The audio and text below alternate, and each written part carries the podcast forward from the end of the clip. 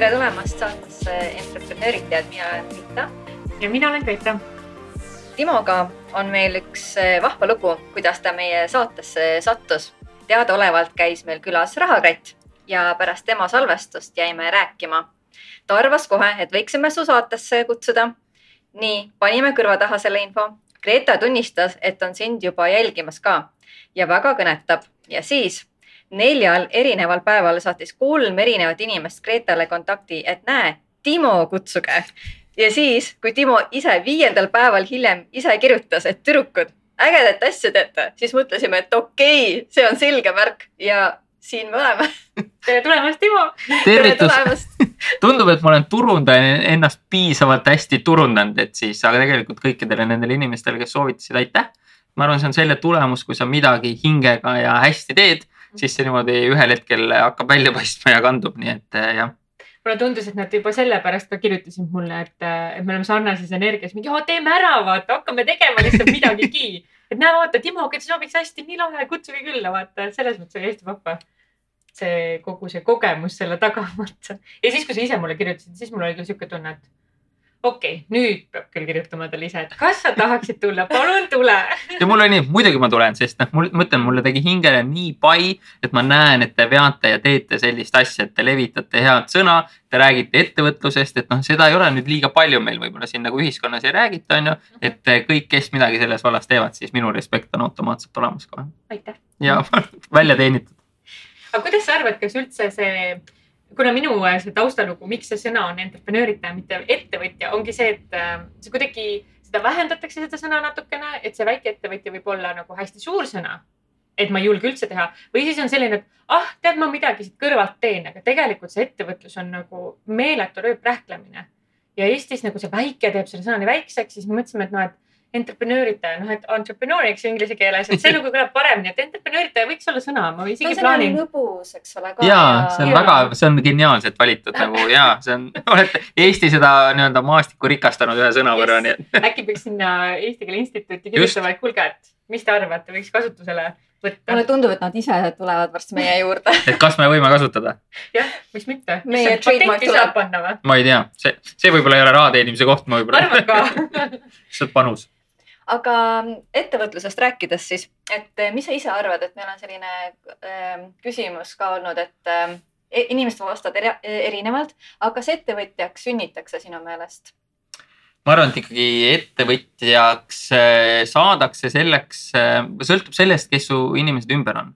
kuidas sa kujuned, et ma ei ütleks, et on mingi geen inimesel, et nüüd ma olen ettevõtja, kui ma siia sündinud, ma sündin ikkagi pu üsna puhta lehena. loomulikult on see, et kas mul on mingit suhtlemisoskust rohkem ja kuidas nagu mingit sotsiaalne pool on ju. aga ettevõtlus ikkagi tuleb nagu ümberringi on ju, et kas äh, mind julgustatakse proovima uusi asju, kas ma julgen teha vigu, kas see vigade tegemine on nagu normaalne. kui mul on selline nagu lapsena kasvamise keskkond ümber, et see on kõik okei okay, siis sealt võiks tulla ühel hetkel see ambitsioon, et ma teen enda käe peal midagi ja mitte see, et mulle öeldakse kuskilt ülevalt alla, mida ma pean tegema ja siis saan selle eest fikspalga. et ma arvan, väga palju kujunevad, kujundavad vanemad sõbrad, see keskkond, kuhu ma satun, kuhu ma ülikooli aeg satun, on ju, et need inimesed minu ümber. sest kui ma näen, kui keegi midagi sellist teeb, siis mul on see, et aa, pagan, ma võin ka teha. -hmm. et ma ei usu ka, et jooksjaks või lohesurfariks sünnitakse, selleks ikkagi saadakse ettevõtjaks, ma usun sama. kindlasti on mingitel inimestel eeldus olemas ja tundub, et justkui nagu nad on maast madalast teinud, et mul on ka, ma mentordan eh, kahte keska kutti, üks on kaheteistkümnendas, üks on kümnendas. kümnendas siis kutt lihtsalt see, kuidas me mingeid vestleme, räägib, see, kuidas ta nagu teab mingeid asju. mul on lihtsalt mind blown ja tal on ka kõik vanemad ja sugulased on ettevõtjad. see tulebki mm -hmm. nagu väga palju sealt, on ju. et ühel või teisel ajahetkel, kui me avastame enda ümber ettevõtjad ja see meid kõnetab, siis nagu kindlasti on õpitav, et ei ole nii, et ma küll ei ole sündinud ettevõtjaks. ma täna julgen küll öelda, et igaüks, kes tahab saada ettevõtjaks, seda saab mm -hmm.. tööriistad on olemas, infot on olemas, kuulake teie podcast'i, rääkige inimestega, leidke endale mentorid, lugege raamatuid, kõik on võimalik nagu mm. -hmm.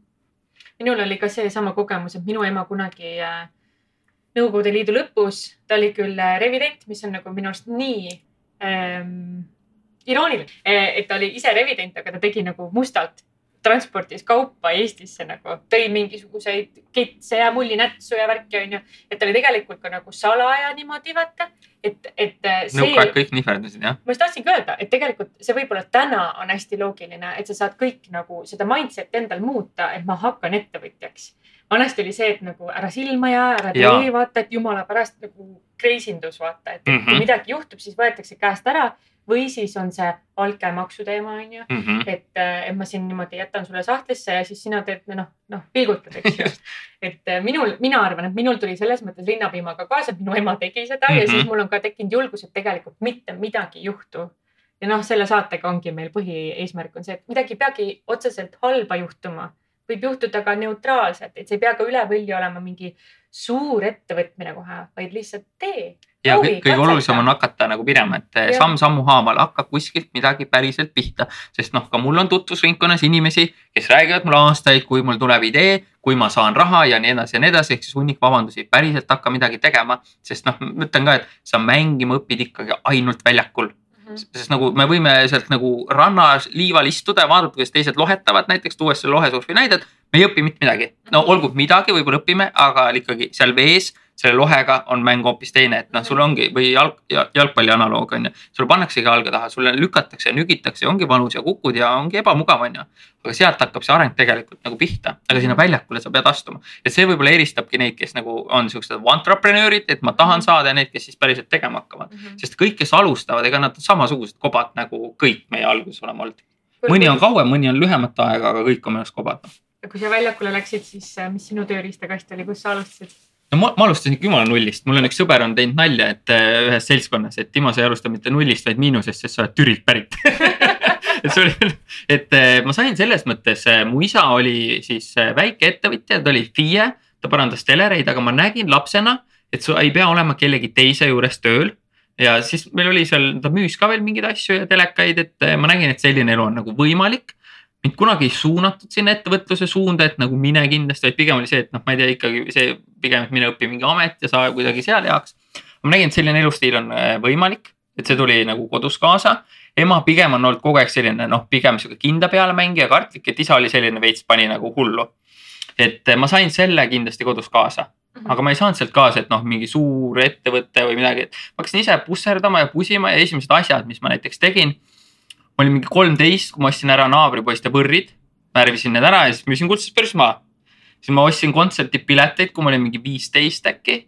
sihuke mingi, ma teadsin, et noh, Rammstein tuleb, see kontsert müüakse välja Saku Suurhallis. siis ma ostsin mingi viis piletit, siis ma müüsin need eh, mingi sotise kasumiga maha, sain enda pileti nagu niisama, et noh, mingit sellist asja või seitsmendas klassis oli, oli sihuke ennustusvõistlus, vormel üks oli, kui Schumacher ja Häkkinen veel omavahel nii-öelda pusisid siis viis euri oli panus ja kui nad õigesti pihta panid, et kes on esimene ja teine, siis nad saavad kolmekordset raha tagasi. noh, kaks ringi tegime ära, mina sain kolmsada krooni rikkamaks, nemad ei saanud keegi mitte midagi, et siis ma õppisin seda, et noh, sa pead ikkagi toode või teenus peab hea olema, vaata, et kui klient ainult kogu aeg nagu üle saab, on ju, noh risk oli teada, aga noh, ikkagi, et sellised asjad olid mul nagu maast madalast ja see kadus ära mul keskaeg kuidagi täiesti, kui ma käisin Nõo Reaalgümnaasiumis, mitte ühtegi nagu, seal oli ka mingi õpilasfirmad ja mingi majandustund, aga mind ül- kuidagi üldse ei kottinud see.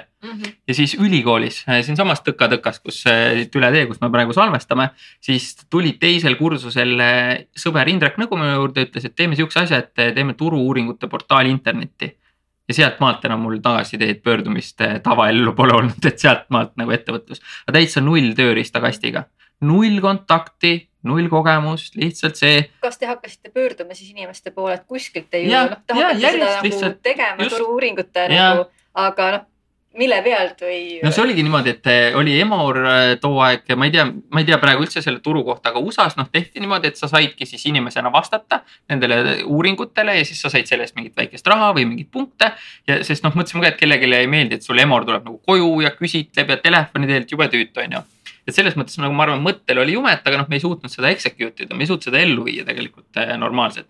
ja siis me hakkasime käima, ma ei tea, mingi cashflow klubid ja siis noh, mingid üliõpilasseltsid ja siis räägid natuke, sealt tuleb mingi üks kontakt ja teine kontakt ja et noh, see ongi sihuke nagu noh, vaikselt hakkad minema ja see rullub su ees lahti, et sa ei tea, mis saab tegelikult kahe-kolme aasta pärast. et see, millega me alustasime, noh, see on kaugel sellest, millega ma täna tegelen, on ju, et eh, aga see oli algus. ja siis ma jõudsin sealt ka seda, et noh, ma sain aru, et okei okay,, meil on portaal, aga kui see ühel hetkel valmis on, kuidas me siis nagu inimesteni viime, okei okay,, see on mingi sihuke asi nagu turundus on ju. ja siis ma avastasin, et meil on kooliraamatukogus turundusraamatute riiul Mhm. ja sinna ma kinni jäin. mis sa, mis sa õppisid esialgselt, kas see oli midagi sarnast siis või? Eh, ma õppisin üldse hoonete ehitust ülikoolis ehk siis täiesti nagu noh, isa oli väga uhke, poeg läks õppima inseneriks, väga rahul. ja siis ühel hetkel poeg tuli, et kuule, ma teen mingit sihukest asja, kohe hakkan miljonäriks saama, siis tuli kindlasti väga pettunud. ja, ja, ja Et- nagu Ritalgi sarnaselt, et Rita on ka tegelikult ju inseneriharidusega oled sa on ei ju? majandus. Majandus. et ja nüüd teeme hoopis podcast'i mingi täiesti teine, tema emal oli sama küsimus, et noh, tüdrukud, kus siis suured rahad on?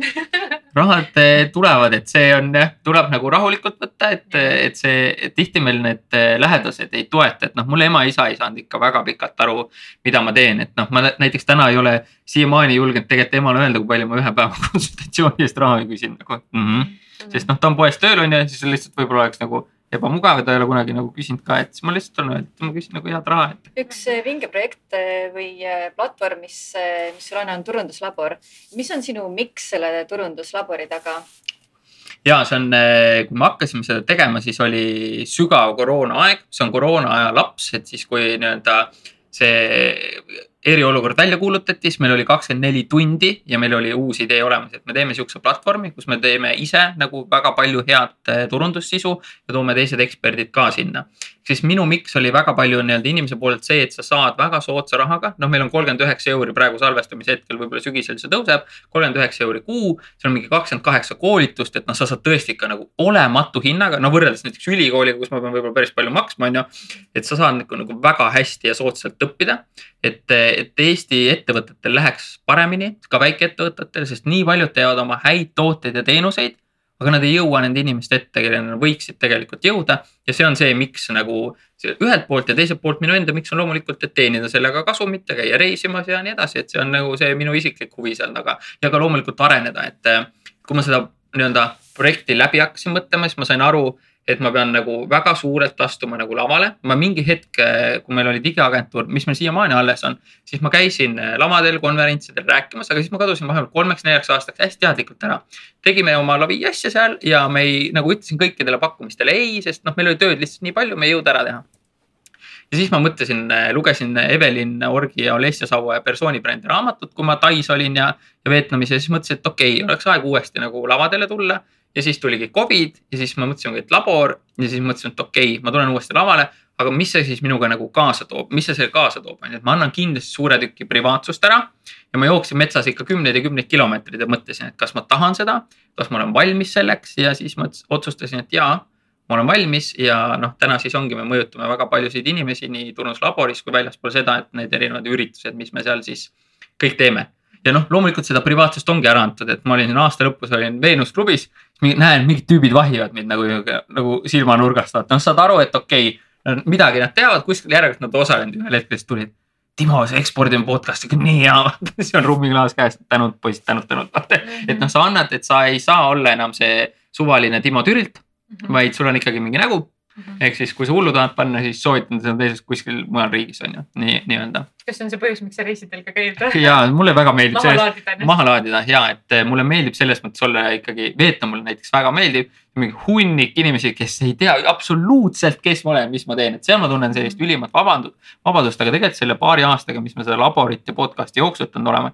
Ma olen sellest ka üle saanud, et ma nagu, see tundus alg- alguses mulle natukene koormav, et noh, kõik nagu teavad, mitte nagu kõik, aga noh, mingi sektor ühesõnaga no, turundus ja ettevõtlusinimesed ja teatud ettevõtete juhid on ju.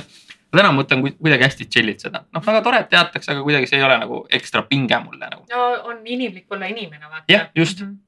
et alguses kindlasti sa tahad hoida oma, et noh, kõik ongi nagu perfektne ja äge, aga nagu ei, pole vaja. ja siis on nagu lihtne. Mul on üks äh, hästi konkreetne, et noh, et sa ütled, et äh, laval esinemine ja kõik see muu on ju, et kas sina isiklikult oled äh, võtnud ka mingeid lisakursusi või mingit sihukest äh, esinemise, ma ei tea, mingisuguseid abc-sid, mida sa saad või oled sa raamatutest kätte saanud need infod, mis, mis sind aitaksid? ma arvan, et see on tulnud nagu väga hea küsimus, see on igalt poolt kuidagi natukene nagu tulnud. mis on minu eelis olnud, okei okay,, kui me jõuame nende tööriistade juurde, mis sa enne küsisid, et kas Jah. ma olin nullis, siis tegelikult oli see, et eh, kuna mul isa oli teleriparandaja, suur tehnikahuviline, siis ma olin, ma arvan, kaheksa aastane, kui meie perre toodi videokaamera. ehk siis ma olen sellest ajast nii-öelda kaamera ees olnud, pere neid videoid vaadates, noh, see on lihtsalt priceless materjal täna, kui piinlik oli ennast vaadata, palun jagada mingit materjali me nendest., me oleme kusjuures täitsa mõelnud ja mu noorem õde on ära digi-, digiteerinud neid asju ja, ja tegelikult me oleme ka Hendriga, Hendri Palmeriga, kes on kolleeg, me oleme neliteist aastat, viiskümmend, viiskümmend kõiki asju teinud ja teeme edaspidi ka. me oleme ka enda ettevõtluse algusaegadelt tegelikult teinud videoid, mida oleme ainult meie näinud ja meie mõned väga-väga lähedased inimesed. et Hendri ütles, et kui me kunagi miljonäriks saame, siis me avaldame, aga see on ka sihuke materjal, et kui keegi peaks seda. ja see on väga toores, see on ikka lihtsalt lege või vähemalt me ise arvame, võib-olla avaldame ei ole kellelegi naljakas on. et siis ma olin, et ma õppisin siis natukene võib-olla lihtsam enda häält kuulama ja ka nägu nägema ja, ja siis kesk- või nii-öelda põhikoolis käisin ka mingitel luulekonkurssidel, ma mäletan, et see oli ikka nagu hull närvipinge mm. -hmm. noh, kooli ees loed peast mingit kaks A4 pikka luuletust ja siis mingi kaheksasada õpilast vaatavad, vaata ühtegi viga ei ole andestatud, siis pärast on nagu väga halb, on ju. Mhm. et ja siis noh, mingeid selliseid asju tegin ja ehk siis natukene nagu läbi praktika ja siis äh, mingi hetk äh, ma jälgisin Erik Etnitsi ja tema materjale ja mul oli võimalik, võimalus olla neli päeva temaga koos stuudios. meil oli üks ühine projekt, siis ma nägin, kuidas tema kaamera ees on ja siis ma olin nagu lihtsalt kõik detailid mhm. davai, davai, aastad, et nii okei okay., et nagu ja tegelikult see võti on see, sa pead olema sina ise mhm. tundma ennast vabalt ja nagu üks nipp, mis väga palju aitab, on see, et võta fookus enda pealt ära see ei ole see, kuidas ma välja näen, kuidas ma räägin, vaid mine selle mindset'iga, et ma olen täna aitamas siin seda viite inimest või viitekümmet või viitesadat inimest ja neile tegema. mitte see, mhm. kuidas ma välja näen ja see on täiesti teine mäng mulle meeldib see, ma iseendale kogu aeg sisendan seda, et ma pean nagu hoidma endal seda mõtet peas, et igal ajal hetkel ma annan endast parima.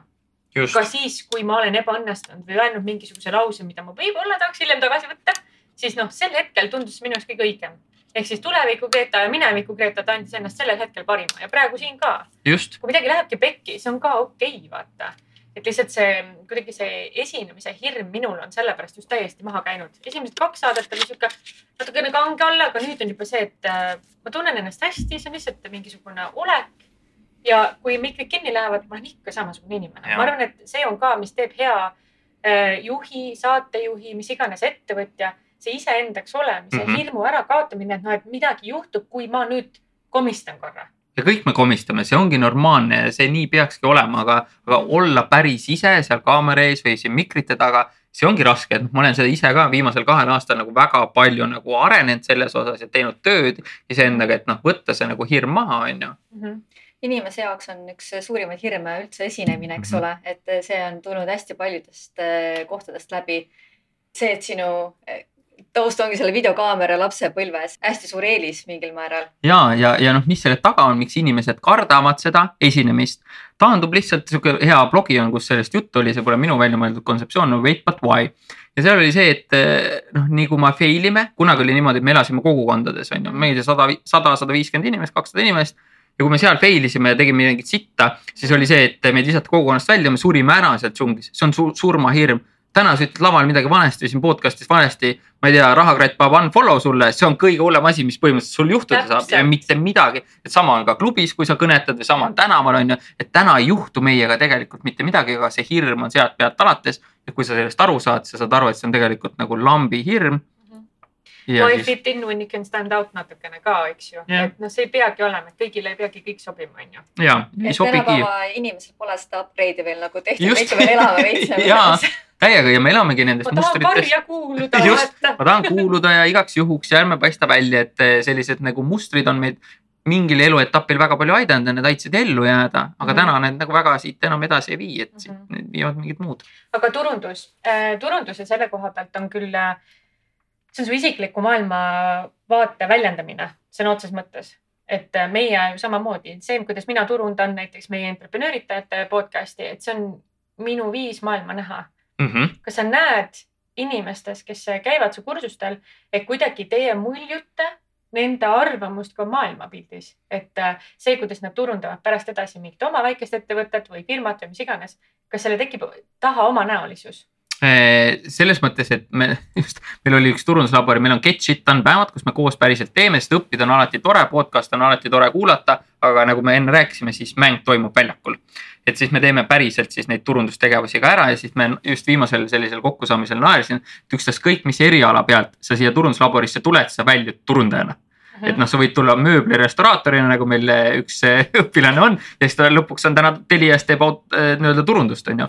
et eh, me anname kindlasti tööriistad, et mis turunduses töötavad, mis nurkade alt turundada, aga see sinu enda isiklik mina jääb ikka sinna sisse, sest see annab selle nagu nii-öelda selle värvi sellele, aga struktuuri anname me sealt ikkagi ette, sest noh, me oleme neljateist aasta jooksul ise näinud ja teiste ekspertidega näinud, mis turunduses töötavad mis, mis jõuab inimeseni, mis teda tegelikult kõnetab, kuidas selle inimese nagu usaldus võita, et see on tegelikult selline üsna nagu mehaaniline asi, et ega seal mingit väga suurt loovust ei ole.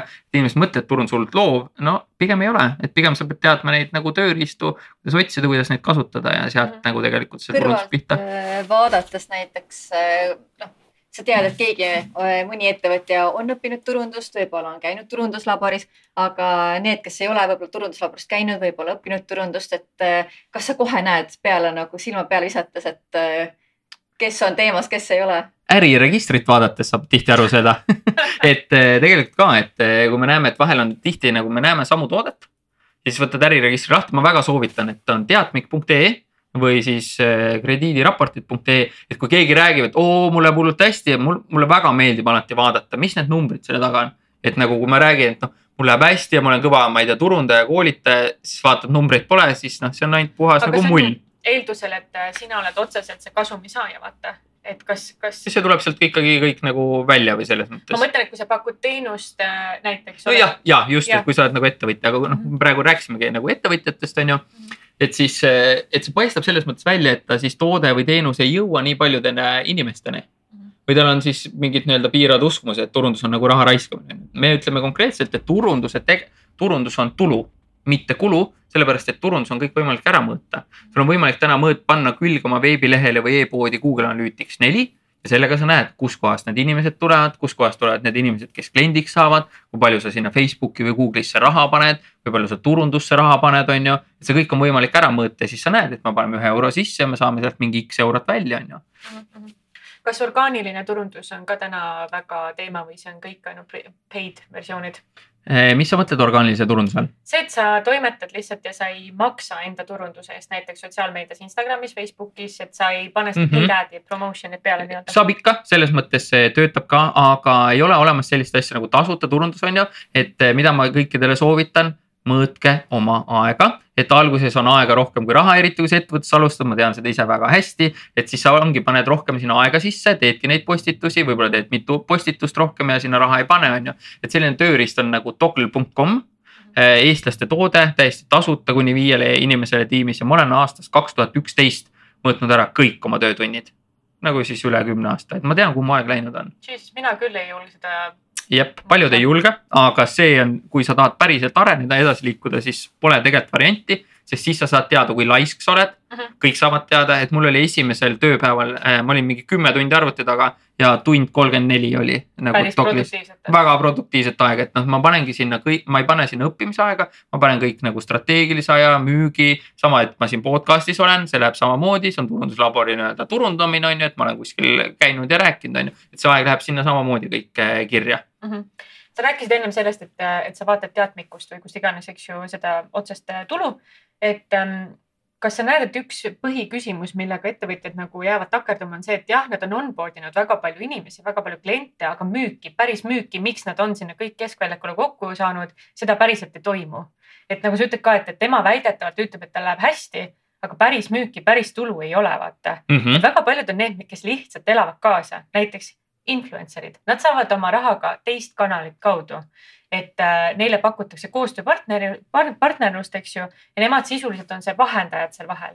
et aga ütleme, kui mina tahan otsest teenust või toodet müüa, mul võib olla mega palju jälgijaskonda mm, Mhm. -hmm. aga nad lihtsalt see toode, mida ma kõnetan Mhm. või noh, mida, mida mina üritan äh, maha müüa, ei kõneta inimesi, vaata. et äh, kas võib ka sellest olla, et ja sa oled lahe inimene, sul on lahe ettevõte, aga tegelikult see asi, mida sa müüd või teenus, mida sa müüd, noh, see on sihuke so-so. Mhm. kas see võiks ka olla mingisugune hetk, mis sa oma turundusstrateegia üle vaatad? kindlasti selles mõttes, et ikkagi ettevõtlus on, ma kut- ütlen, et ettevõtlus on ikkagi mäng. ja mängupunktid on raha sinu pangakontol, et nagu follower'id ei loe, jälgijad ei loe, sõbrad Facebookis ei loe. küsimus on see, kui palju sa lõpuks, kui paljud inimesed päriselt on valmis võtma rahakotti.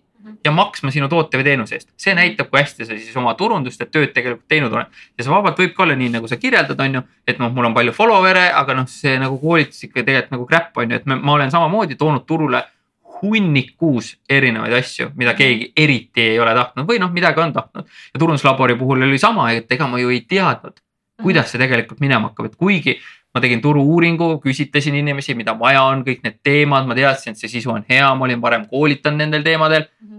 Ja ma ikka ei tea, kuidas see lõpuks nagu läheb mm -hmm. ja noh, esimesel päeval meil oligi ainult kakskümmend liitrit, ma olin jumala nagu fuck up, noh, see on nagu pekkis projekt nagu mm. -hmm. mul on, et ma siis mõtlesin ka, et ma panen oma ameti maha, et noh, mis turundaja ma olen, ma olen ise teinud siukest toote, mida on vaja, saan ise turundada seda, kurat mm -hmm. ei müü, on ju. aga noh, lõpuks ikkagi viienda päeva lõpuks, kui me uksed kinni panime, oli sada kaheksakümmend liitrit, nii et noh, süda, esimene süda läks nagu mööda sealt, et et see vabalt võib nii olla ja seda me ettevõtjana õpime ka mm. -hmm. et eriti, kui me lähme nagu uude valdkonda, siis me arvame, et me teame, mis need inimeste probleemid on, mida me lahendama hakkame.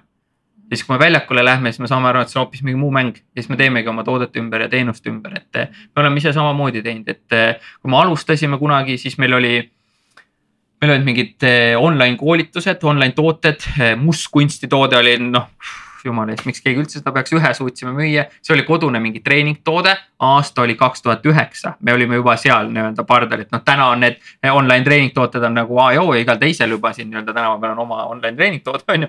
aga juba nagu siis, aga noh, see eriti ei müünud ja ei lennanud, aga siis olid sõbrad, kes hakkasid küsima, et kuule, et ma näen, et te teete mingit veebi, hakake meile ka tegema, on ju, siis sealt oligi see, et okei okay,, kuulame siis turgu, on ju, et mida vaja on, siis hakkasime veebi tegema, siis tuli Facebook, Facebooki mingid äpid ja kampaaniad on ju. me väga nagu kuulasime, mida turul vaja on mm -hmm. ja siis hakkasime seda nagu tegema ja pakkuma tegelikult. ja siis sageli minnakse õhinapõhiselt sisse. ja, ja tulebki minna. jah, aga vaata, siis ongi see asi, et sa, sa lahendad igal juhul, kui sa lähed ettevõtluse sisse, sina näed mingisugust probleemi, mida mm -hmm. sina saad lahendada aga sama on nagu sellega, et sul võib olla ka väga hea toode, väga hea teenus ja sa lähed õhinapõhiselt sisse. aga võib-olla see on nii kitsas see koht, kuhu sa sisened. võib-olla. kuidas siis seda probleemi lahendada, turunduse läbi siis? no tegelikult on niimoodi, et ega kui sul on ikkagi nagu nii-öelda ideaalse kliendi grupp on nagu niivõrd väike mhm. et ega see siis noh, seda väga suuremaks võib-olla väga keeruline ongi ajada, sest noh, see pole rohkem inimesi, kelle seda probleemi lahendada mm. -hmm.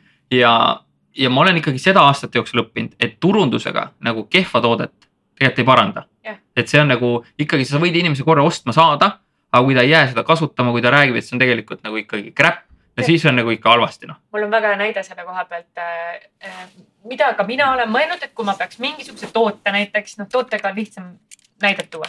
kui ma peaks sellega välja tulema kunagi, et siis mina tahan endale Stockmanni klienti kes ei lähe iga allahindluse peale, ei jookse järgmisse kohta, vaid ta on lojaalne ja truu sellele, mida mina pakun. aga ma tean, et see ei ole one size fits all ärimudel, sest on ka selliseid asju, mis vajavadki pidevat kampaaniat, pidevaid allahindlusi, pidevaid nagu vahetust, et see on lihtsalt nii muljutav ähm, süsteem, eks ju. aga, aga säästumarket või Stockmann, mulle see hullult meeldib, et nad on oma kitsendanud oma selle, noh, sest kõigile kõik ei sobi ja, ja nemad ongi aru saanud, et säästumarketi klient on, noh enam ta säästumarketit küll ei ole, aga mm, -hmm. aga on äh, nagu see inimene, kellel on sissetulek siitmaalt siiamaani. ja siis Stockmannis käivadki, seal on tõesti hõredam seltskond. aga nad on nii lojaalsed sellele. et ma, ma ise mõtlen seda, et kui mina peaks midagi kunagi tootena müüma, siis jääda nagu endale kindlaks ja teht, teha see sihtgrupp endale, iseendale kõigepealt selgeks. ja täpselt. mitte, mitte vastupidi ära nagu teiste suunas hakka minema, vaid jää enda suunda mm. -hmm. mõtle jah, et sa pead ise mõtlema, et mida sa siis tahad saada ka ettevõtjana, et milline elustiil sul on, millised kliendid sul on. et noh, näiteks meil oli, eh, kuidas ma suutsin, no mitte isa vihastada, aga jälle pettu, et ta suutis pettuda minus. oli see, et me kaks tuhat üheksa panime püsti Helme poe, minuhelmed.ee, millest naised kõrvarõngaid ja kette teevad, on ju kaks meest ja üks naine, siis tegid see Helme poe, isa vaatas, nüüd on kõik pekkis, vaata, et insener kooli vist ei lõpeta, teeb mingit naiste mingit värki müüb, on ju ja, ja seal oli, selgus, noh, ma sain aru sellest, et iga tellimus oli a la sada krooni, siis kuus euri. ja noh, kogu aeg oli mingi jebla, nagu ma ei tea, need pärlid ei olnud ühte värvi ja ma sain ka aru, et inimesed ei saanudki ühesuguseid kõrvarõngaid teha. ühesõnaga mingi jama. mäletan väga hästi seda hetke endal, kus ma ütlesin, et mulle aitab. ma tahan edaspidi lahendada tuhande ja kümne tuhande krooniseid probleeme. Ehk siis ma ise valime ja siis ma valisingi, tegime, hakkasimegi seda digiagentuuri rohkem tegema ja seda nagu pakkuma. ja täna on samamoodi, et kui me agentuuriga klienti valime, siis me valime neid inimesi ja tooteid ja teenuseid, mis meile inspireerivad, millesse me ise usume. sest noh, me ei taha teha koostööd inimestega, kes meid ei kõneta, kes meile nagu stressi tekitavad. mida ma praegu samal ajal mõtlesin, oligi see, et tegelikult mõlemas aspektis tekib mingi teatav stabiilne klientuur. noh, et stabiilsus on mõlema nagu võtmesõna. et see kesk, keskmine tee nagu leida, vaata, milline mm -hmm. on su klient, on ju Mm -hmm. kuna ma olen ise ka äriplaani kirjutanud, siis ma olen pidanud ühe korra elus seda välja arvutama konkreetselt, jesus christ nagu. ja siis püüa saada aru ja kellelegi presenteerida seda, vaata, see on ka hästi tunnetuslik, et sa tead. see on ikka, see on sihuke kohvipaks, et ma ei ole ühtegi äriplaani teinud ja me oleme naernud Hendriga, et ma ei tea, mitu korda me Exceli miljonärid oleme olnud, et see on lihtsalt rets on ju, et aga päriselt nüüd lähed välja oma selle toote teenusega ja siis hakkab päris info kogunema, et kui paljud üksteist kõnetavad, paljud klikivad kas nagu tuleb mingeid oste, ei tule mingeid oste, et noh, Excel kannatab kõike mm. -hmm. selles mõttes ka no, võib läbi arvutada ja on mõistlik läbi arvutada suures plaanis, palju sul, ma ei tea, mingit aega kulub ja mingit toormet kulub ja mis see hind enam-vähem olla võiks. aga ärge, see on mõistlik korra teha mm, -hmm. aga ärge väga pikalt sinna nagu kinni, kinni jääge, et rohkem nagu pange aega sinna mm -hmm. tegutsemisse. Exceli numbreid ja neid kaste võib vedada ja miljoneid sealt lohistada nagu ühte ja teistpidi, aga päris elu on midagi muud mm. -hmm kuule, aga rääkides sellest, et kui sa hakkadki oma asjaga nüüd pihta, onju, teie hakkasite samamoodi sa räägid see Helme, see värk, eks ju, et ei läinud, sa ise mõtlesid, et sa viitsi, viitsi eblada, onju.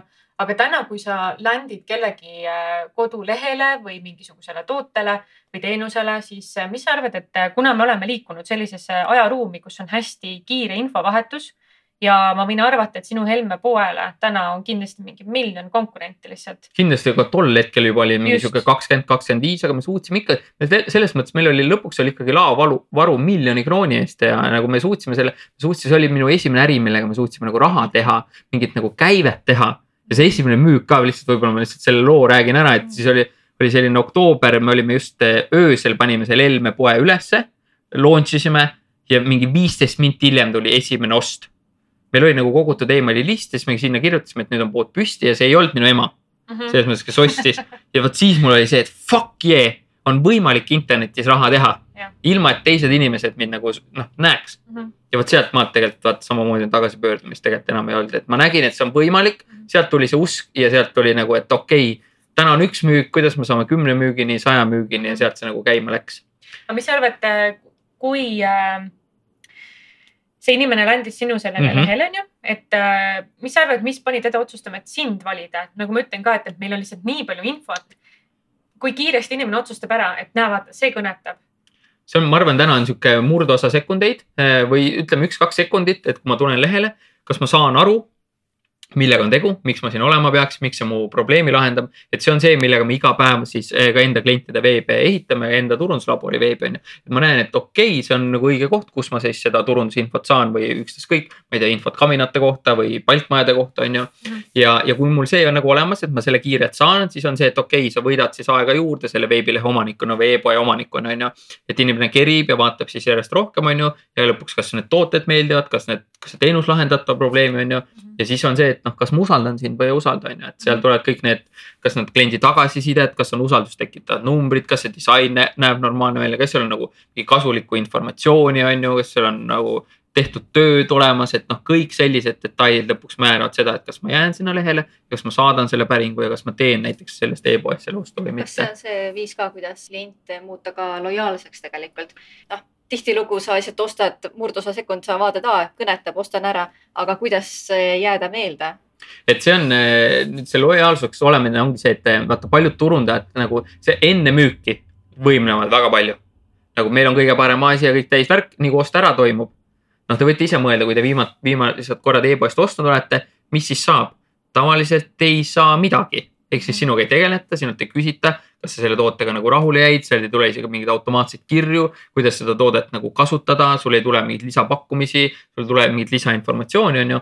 et see on äh, sihuke raamat on nagu Never lose a customer again äh,, mitte ühtegi kaotatud klienti enam, ma soovitan seda kõikidel, ükstaskõik mis faasis sa täna oled oma ettevõtluse või turundusega seda lugeda, sest mul oli ka ainult nii palju taipamisi, et seal ta ütlebki, et see on sihuke sada päeva et eh, peale ostu, mis hakkab käima, peale ostu toimub meil siis ajus selline ostukahetsus enne me oleme hullult elevil, oo nii äge, noh sama näiteks selle podcast'i setup'i tõenäoliselt ostsid. oo nii äge ja siis on see, et kas ikkagi õiged asjad said, äkki maksime liiga palju, kas see podcast kasu on, tekib ja see tekib kõigil, sellepärast et su aju saab aru, et sa oled leidnud nüüd selle, mis sul on nagu vaja ja siis see dopamiini tase langeb sealt tegelikult alla, et see otsimuse elevus on saanud läbi ja siis on vaja tegelikult ettevõtjal ja turundajal seda kätt kõige rohkem hoida. ja kui ta seal suudab hoida, siis sealt tegelikult tekibki lõpuks see nagu lojaalne klient on ju. ja see toode peabki olema selline nagu awesome on ju, et üks asi, et turundus peab olema väga hea. kui sa tegelikult selle toote kätte saad, siis see peab olema nagu mind blown on ju, et me püüame seda turunduslaboriga samamoodi teha sa tuled, sul on nagu need videod, need videod on kasulikud, on ju, noh, see me oleme püüdnud teha. kas laborandid saavad ise rääkida, kuidas see neid, nende jaoks nagu läinud on, on ju. aga see on see lõpuks, kuidas siis inimesed hakkavad seda ise levitama ja kuidas sellest nagu ostjast saab sul päriselt lõpuks siis nagu fänn jah, sest kui sul on piisavalt äh, tugev kontseptsioon seal taga, mida sa ise ka täiega kaifid, vaata, siis on see, et hea sõna levib kiiremini. noh, öeldakse küll, halb sõna levib veel kiiremini, aga, aga lihtsalt, äh, mis sinu arvamusel on äh, Äh, need esimesed, sa ütlesid, ise mainisid ka üks-kaks sekundit. Mis meeldib siis inimesele selle ühe-kahe sekundi jooksul, mida sa käivitad tema ajus, kas see on pildi resolutsioon, kas see on see, kuidas sa väljendad, kas, mis, mis sa oled näinud, mis töötab kõige paremini, vähemalt äh, tagasiside puhul? selge tekst. lihtne ja selge. ja just, et mida ma siin saan, kui see on me oleme siin parimad teenusepakkujad mingis valdkonnas, no kui ma sellest aru ei saa, siis on nagu back nupp ja risti ja kinni ja minema. et see nagu copy on see, et palju on hästi täna veebiga, teeme mingid ägedad disainid ja liikuvad, väga tore, aga lõpuks on tekst on see, mis nagu müüb. tekst on see, mis nagu inimesest, millest aru saab. ja teksti võib olla ka nagu väga pikalt, et noh, öeldakse ka, et inimesed ei loe pikka teksti, inimesed ei vaata pikka videot, siis ma olen alati öelnud seda, et me turunduslaboris tegime just kaks aastat tagasi eh, sellise asja nagu kaksteist tundi turundust me olime kaksteist tundi järjest laivis ja meil oli mingi vähemalt tuhat inimest, kes oli meiega kõik kaksteist tundi. See oli video pikkus, oli kaksteist tundi, ei pea olema minut, ei pea olema pool minutit. küsimus on selles sisus, küsimus on selles nii-öelda inimese meelestatuses on ju, et ollakse valmis tarbima küll, kui see on väga kasulik sisu on ju. -hmm.. sarnaselt nagu mina olen ise osalenud mitu korda selle Eduakadeemia sellel päeval et sa lihtsalt jäädki ja see on nii selge struktuuriga üles ehitatud, sa saad aru, mida nad seal teevad, kes on järgmine esineja, millal virgutuspausid on. sul on nagu ajakava, sul on time frame, sul on selgelt välja kirjutatud. aga kui keegi hakkaks lihtsalt mulle rääkima, et sul on terve hunnik esinejaid, siis sul on juba, sul tekib etteväsimus ära, sa ei saa aru, mis see kõik nagu tähendab või kuidas see loom ennast hakkab. aga jah, me selle kaheteisttunnisega tegelikult lõimegi turule uue standardi ja me, ma olin ka Eduakadeemia esimeste nende planeerimiste taga seal. no, just, et see, see on ka asi näiteks, et mida ma soovitan teha, et vaata, mida tehakse teistes sektorites ja too see enda sektorisse üle, et sa ei pea kopeerima üks-ühele. eduakadeemia ei võtnud ka üks-ühele seda mudelit, lisas sinna mingeid oma nüansse, kõiki asju on ju juurde. aga sa ei pea ka leiutama alguses nagu jalgratast, et noh, ettevõtluses ja turunduses on nagu sama, et kui sa arvad, et noh, mul on vaja seda suurepärast ideed, et siis ma hakkan tegutsema mm. -hmm. ei hakka tegutsema, siis noh, selles valdkonnas sees olles sul tulevad lõpuks need tegelikult ideed, tee lihtsalt nagu mingit analoogset asja, mida teised, proovi teha mingis nurga alt lihtsalt paremini seda mm. -hmm see ei ole mitte erinev, vaid parem. jah, me, nagu- me hakkasime see Helme pood, meil oli veel kakskümmend Helme poodi turu peal või tehakse veebilehti ka täna siiamaani või turundust ka müüakse, turunduskoolitusi, et nagu lihtsalt tee teise nurga alt, tee paremini. sa ei pea Elon Musk olema ja raketti leiutama, sa võid mhm. ka, aga noh, kui sa, see on sinu esimene projekt, siis ma luban, et see raketti sa kuulaja küll ei saada, et see ei lenda kuhugi, et noh, sa ise rikud selle idee ära, sest sul ei ole kompetentsi, sul ei ole kogemust, sul ei ole kontakte, nagu sul ei ole midagi sel hetkel mm. -hmm kas kontaktid on sinu jaoks täna ka üks suurim äh, tugevus, mis toetab tegelikult te tegutsevaid ettevõtjaid? kindlasti, see ongi see, et noh, ettevõtluses sul ongi vaja, meil on turunduslaboris sihuke 4D mudel. tulemused võrduvad, tegemine pluss teadmised pluss tugi. ja nüüd ongi see, et sul on vaja nii teadmisi ettevõtjana sul on vaja päriselt neid asju ise teha, sest noh, muidu see ongi, et ma olen, ma olen ise olnud selles faasis, ma olen maailma kõige targem siis vaatan pangakontot, no see kurat küll ei peegelda tegelikult seda seal on nagu nullid või nagu väga vähe raha, on ju.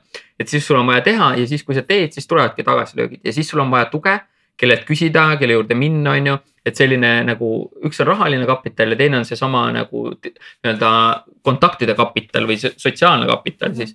et näiteks kui me laborit alustasime, siis noh, me Henriga, meil oli see idee ja sealt meil oli siis see, et ega ma ju ei teadnud, kas see asi üldse lendu läheb Covidi aeg ka on ju veits äh, nagu shake'i olukord majanduses, et nagu raha ka väga ei taha sinna investeerida. aga ma teadsin Maraton stuudioses Tahti Kasspeiti ja Marko Hoolot. ja siis mul oli see, et kuna me olime nendega ühe projekti teinud ja siis ma tegin neile pitch'i, et kuule, teeme turunduslabori koos. Teie aitate salvestada, aitate mul podcast'i teha, webinare teha, konverentse teha ja me jagame siis äh, nii-öelda käibe pealt teile protsenti Mhm. ja ma alustasin null euroga selles mõttes, et me panime noh, mingi logo kujundusse sinna natukene, aga me ei pannud null, null eurot panime tootmisesse, sest me leidsime partneri, sest mul olid kontaktid, mul oli varasem töö tehtud. et täna ka noh, ma olengi selles mõttes on turul nagu nii tore situatsioon tekkinud, et kuna ma ise ka teen podcast'i ja läbin väga paljude inimestega, siis no mul kogu aeg iga päev vähemalt keegi küsib, et kuule, kas sa tead kedagi, kes ma hea meelega alati ühendan inimesi nagu, sest noh, minu arust see on nagu nii oluline, et õiged inimesed leiavad üksteist. sul on mingi probleem, sul on mingi lahendus, viime nad siis omavahel on ju kokku see on ka väga tugevalt see põhjus, miks meie seda siin teeme. mm. -hmm, just, just seesama aspekt, et nagu kui sa tead inimest, kes, kes on hästi andekas, miks sa ei tahakski jagada seda teistele inimesele te,, teistele inimestele ja teised inimesed ju otsivad sellele probleemile mingit lahendust, on ju. just ja ka konkurendile annad, et mul oli Äripäevast küsiti, et nagu ühte kontakti, üks konverentsi korraldaja, ma andsin talle ja siis ta küsis ja niimoodi viidki mind kokku, et me oleme justkui nagu konkurendid, ma ütlesin, et aga mida me siin väikeses Eestis nagu pusime, vaata, me peamegi üksteist nagu aitama ja toetama, sest noh, meid ongi lihtsalt nii vähe, et me ei saa olla üksteise vastu, me peame panema seljad kokku ja koos nagu pusima ja mõtlema ja siit laia maailma lõpuks nagu minema, et see on selle asja nagu suurem mõte. Mm -hmm. rääkisid enne äh,, rääkisime enne lojaalsusest ja klientidest.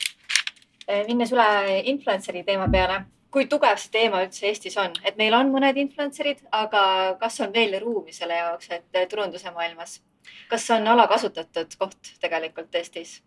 ma arvan, et eh, jällegi ma ei ole sada prossa, ma räägingi, saan enda vaatenurka, et tõenäoliselt Marell Ellen Promotis suudaks teile palju paremini tuua mingeid numbreid ja asju siin välja. kuidas influencer turundus töötab, aga tegelikult vaata influencer turundus oma olemuselt on see, et keegi soovitab sulle midagi. ja soovitusturundus on nagu kõige tugevam nagu turundus üldse, et ja see käibki sõprade vahel. et kui sina on ju soovitad mulle mingit head nagu kinofilmi, mida vaatama minna, siis ma igal juhul lähen, on ju. et eh, tänapäeval lihtsalt on tek tekkinud platvormid, on tekkinud jälgijad ja siis meil on need nii-öelda influencer'id on ju, kes soovitavad siis kohukestes küünelakkideni on ju. et ma arvan, see hooaeg on läbi saanud sest neid enam nagu, neid ei võeta selles mõttes tõsiselt, et kui sa promod kõike, siis sa oled lihtsalt üks reklaaminägu. aga kindlasti see mikro influencer'id, sama, et kui ma olen tõesti mingi toote fänn, et noh, meil on turunduslaboris meil on sihuke kakskümmend, kolmkümmend inimest, kes ikka aeg-ajalt nagu postitavad, teevad, nemad on ju samamoodi influencer'id, neil on väike sihtgrupp, nad isegi ei saa selle eest võib-olla midagi, on ju. aga nemad mõjutavad samamoodi mm -hmm. noh, ma ei ole klassikalises mõttes influencer, aga üllatus-üllatus, mul on oma podcast juhuslikult, mul on ka Eesti kõige suurem turunduslava, kuhu ma saan inimesed panna ja emaili list neli tuhat nelisada inimest on ju. et ma mõjutan tegelikult väga-väga palju ja liigutan väga suuri rahasid nii-öelda, et kui ma soovitan kedagi, siis noh see läheb nagu kiirelt üsna nagu lendu, on ju mm. -hmm. mina ise ka, ma jälgin ühte naisterahvast Katriini. ma annan talle või noh, palun väga vabandust, ma ei mäleta ta perekonnanime. Mangus. ta on just, ta tegeleb selle Instagrami sotsiaalmeedia selle turu. jah. Katriin Mangus. just, tema, tema rääkis ka, noh, ma olen ta selles uudisekirjas, eks ju, ja ta ütles ka, et, et mikro need influencer'id on täna turundustrend. kas sa näed sama? Ma arvan, et ta on lihtsalt üks osa sellest turundusmiksist mm nii-öelda kogu komplektist, et äh, sinna liigub raha äh,. sinna turundajad ja ettevõtjad nagu panustavad, aga noh, ta ei ole kindlasti nagu nii-öelda ainukene asi, mis on, et, et jah, ma turunduses ka, ma ei ole kunagi ajanud mingeid trende taga mm. -hmm. ma üldse nagu kõigepealt peaks alustama sellest, et teeks vundamendi korda ja enamikel ettevõtjatel on vundament nagu jumala korrast ära, siis teeks oma veebilehe e-poe korda paneks sinna külge korralikult Google Analyticsi mõõdikud, et me saaks aru, mis toimib mm. -hmm. on ju, et see veebileht näeks usaldusväärne välja, paneks tööle Google Adsi, Facebooki reklaamid ja emaili turunduse ja siis hakkaks tegelema kõige muuga. sest nendest, see, mis ma nimetasin, on need põhikohad, kus tegelikult üldse raha tuleb mis see vundament on põhiliselt sinu jaoks? see vundament ongi see, mis ma tegelikult kirjeldasin, aga seesama nagu korralik läbimõeldud veebileht, veepood, et see on usaldusväärne, et seal on korralikud tekstid kirjutatud, korralik pildimaterjal, et noh, me võime sotsmeedias paugutada ja teha ja leida need influencer'id, kui need lõpuks maanduvad nagu turundus lõpuks. eesmärk on see, et inimene jõuab sinu veebilehele, veepoodi, sest see on see müügikanal -hmm. loomulikult sotsmeedias tehakse ka mingit müüke ja DM-ides ja kuskil nagu chat ides toimub midagi. lõpuks on see, et ikkagi mida kaugemale sa jõuad oma ettevõtluses, on see, et noh, inimesed tahavad näha, et nagu veebilehte või mis, mis need tooted või asjad nagu. usaldusväärsust põhimõtteliselt. ja, et see on sinu nagu kakskümmend neli seitse müügimees. kas sa saad öelda siis, et põhimõtteliselt sotsiaalmeedia igasugune väljakuulutamine on nagu äh, ümbersuunamine selle põhiallikale, mis siis täna võiks olla veebileht? see on, seal on mitu nurka, üks on see, et sa saad seal kindlasti tähelepanu, sa ehitad seal suhet, sa oled seal kasulik ja siis aeg-ajalt seal on sul mingid postitused, mis siis suunavad sind. Et noh, näiteks kuidas meie turunduslaboris teeme, on siis see, et ja, ja mis turunduses ka väga hästi töötab, on see, et anna ise esimesena. Ole ise esimesena kasulik, et noh, me teemegi neid suuri konverentse, kui me tegime seda kaksteist tundi turundust, kaksteist nagu Eesti tippspetsialisti tasuta, annad lihtsalt nagu emaili vastu, saad sellele materjali ligi. Ja osad inimesed arvasid, et see on alguses nagu fake, ei ole võimalik. mulle öeldi nagu jälle üks nii-öelda koolitusettevõte ütles, et Timo, et sa keerasid kogu koolitusturu praegu pea peale, kõik peavad oma nagu programmid üle vaatama mm -hmm. ja see sisu oli nii hea et teised oleks küsinud selle asja eest noh, mingi viis-kuus sotti mm -hmm. nagu raudselt mm. -hmm. me tegime tasuta seda, on ju. me andsime ise esimesena, me tõestasime, me näitasime, mida me suudame teha ja siis loomulikult sealt me müüsime ka seda turunduslaborit, on ju. nii sealsamas konverentsi ajal kui ka pärast seal emailides, on ju, aga see ongi see inimesega suhte ehitamine, et sotsiaalmeedias on ka väga hea seda suhet ehitada mm. -hmm aga lõpuks see peaks jõudma kas sinu veebilehele või vahetama ikkagi see, kätte saama selle inimese emaili. sest noh, Facebooki ja Instagrami algoritmid ja kõik on nagu pigem nagu meie vastu ja keeravad kogu aeg seda volüümi maha, aga kui sul on selle inimese email siis sa saad talle kirjutada, saad temaga suhelda, saad seda suhet ehitada ja sealt ka lõpuks müüki saada, on ju. et noh, Katriin on ka, teeb Instagrami asja, aga ta kogub sealt kogu aeg liste, on ju, täpselt nagu sa ütlesid, sa said tema emaili mm. -hmm. ja see email on, seisab selles mõttes nagu oluliselt paremal kohal turunduse mõttes, sest sul on vähem segavaid faktoreid, mingid asjad ei plingi ja vilgu ja mingid asjad ei tule, on ju. see on inimese personaalne privaatne postkast, seal on vähem segavaid faktoreid, sul on rohkem aega, sul on rohkem tähelepanu mm. -hmm. me tegelikult tegime ühe siukse küsimustiku selle boksi ka vaata Instagramis, enne kui sa tulid nädala alguses ja seal oli üks küsimus väga konkreetselt ja mina isiklikult arvan ka. mingil hetkel meiliturundus ei tööta, sest see on spämm.